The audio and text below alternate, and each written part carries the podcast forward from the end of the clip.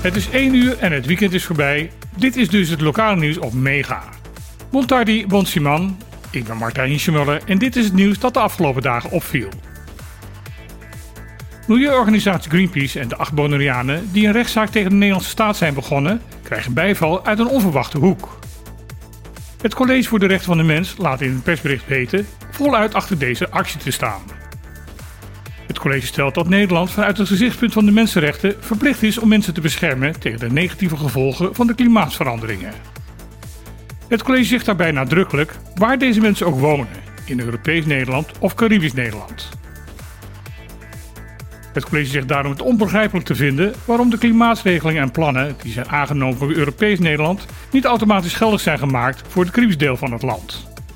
Zeker nu onderzoek heeft aangetoond dat Bonaire zich in dit opzicht in een van de meest kwetsbare regio's ter wereld bevindt.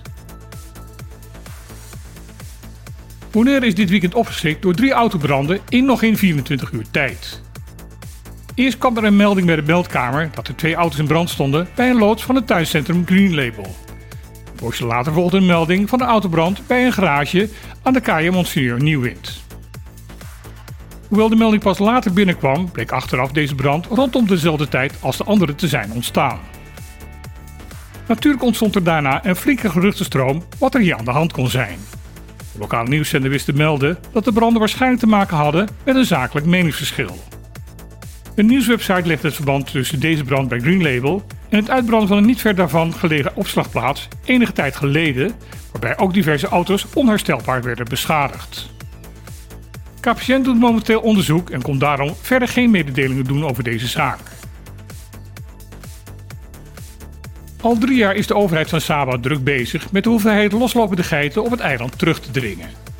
Dit gebeurt niet alleen door de eigenaar van de geiten te overtuigen om hun dieren achter hekken te zetten, maar ook door geiten die geen duidelijke eigenaar hebben af te schieten. Volgens de overheid zijn na drie jaar de gevolgen van deze vrij agressieve aanpak goed op het eiland te zien. Er blijkt sprake van een duidelijk herstel van de vegetatie en hier en daar blijkt een overvloedige grasbegroeiing weer een natuurlijke concurrentie te worden van een aantal ongewenste invasieve plantensoorten. Om deze aanpak verder te kunnen uitbreiden is nu hulp gevraagd aan de Koninklijke Nederlandse Jagersvereniging. Een team van ervaren jagers zal in februari de nu al succesvolle lokale jagers komen ondersteunen. Hierbij zal een gezoneerde aanpak worden gebruikt om het aantal nog vrijlopende geiten nauwkeurig te kunnen inschatten. Geen derde kabinet Jacobs, maar een eerste kabinet Messalina. Dat is de verrassende ontwikkeling die de afgelopen dagen op Sint Maarten heeft plaatsgevonden. Na de parlementsverkiezingen afgelopen donderdag was duidelijk dat de huidige bestuurscoalitie van NA en UPP samen drie zetels in het parlement hadden verloren. Daarmee waren ze de meerderheid kwijt. Daarom zou een derde partij erbij gezocht moeten gaan worden. Ze hadden daarbij de keuze uit vier partijen die elk twee zetels hadden gekregen. Echter, deze partijen bleken andere plannen te hebben. Binnen twee etmalen werd er door deze vier een nieuw regeringsakkoord gesloten. Samen hebben ze met acht zetels net de meerderheid in het parlement. Minister-president van het land wordt Luc Mercelina van de nieuwe partij URSM.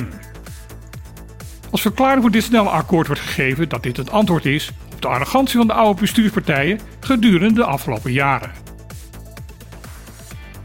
Dit was weer het lokale nieuws op Mega. Ik wens iedereen een mooie en verrassende dag toe en dan heel graag weer. Tot morgen!